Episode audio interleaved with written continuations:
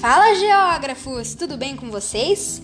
Aqui é o Rafael e nesse podcast do dia 30 de 3 de 2021 vamos falar sobre o 16º ODS. Mas primeiro de tudo, o que é um ODS?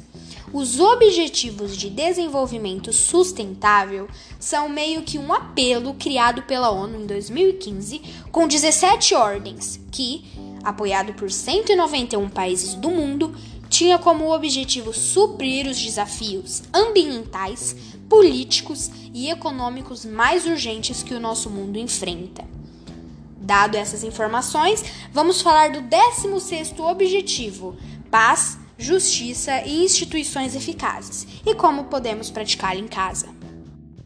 Esse objetivo seria, resumidamente, promover sociedades pacíficas e inclusivas para o desenvolvimento sustentável, proporcionar o acesso à justiça para todos e construir instituições eficazes, responsáveis e inclusivas em todos os níveis. Mas, Rafael, como nós podemos aplicar esse objetivo em casa? E eu te respondo, meu querido: nós podemos fazer campanhas, protestos ou apenas darmos sugestões, exigindo coisas como a promoção de assessoria jurídica gratuita a organizações sociais e pessoas de baixa renda, a campanha pela paz no trânsito nos estabelecimentos, oficinas de comunicação não violenta, promoção de esportes com crianças e jovens de baixa renda, palestras e atividades sobre ética e muito mais.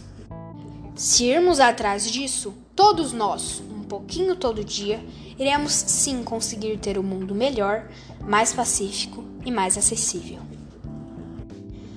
Obrigado a todos por ouvir este podcast, espero que seja útil para você. Lembre-se, todo dia um pouquinho. Aqui é o Rafael e esse foi o áudio de hoje.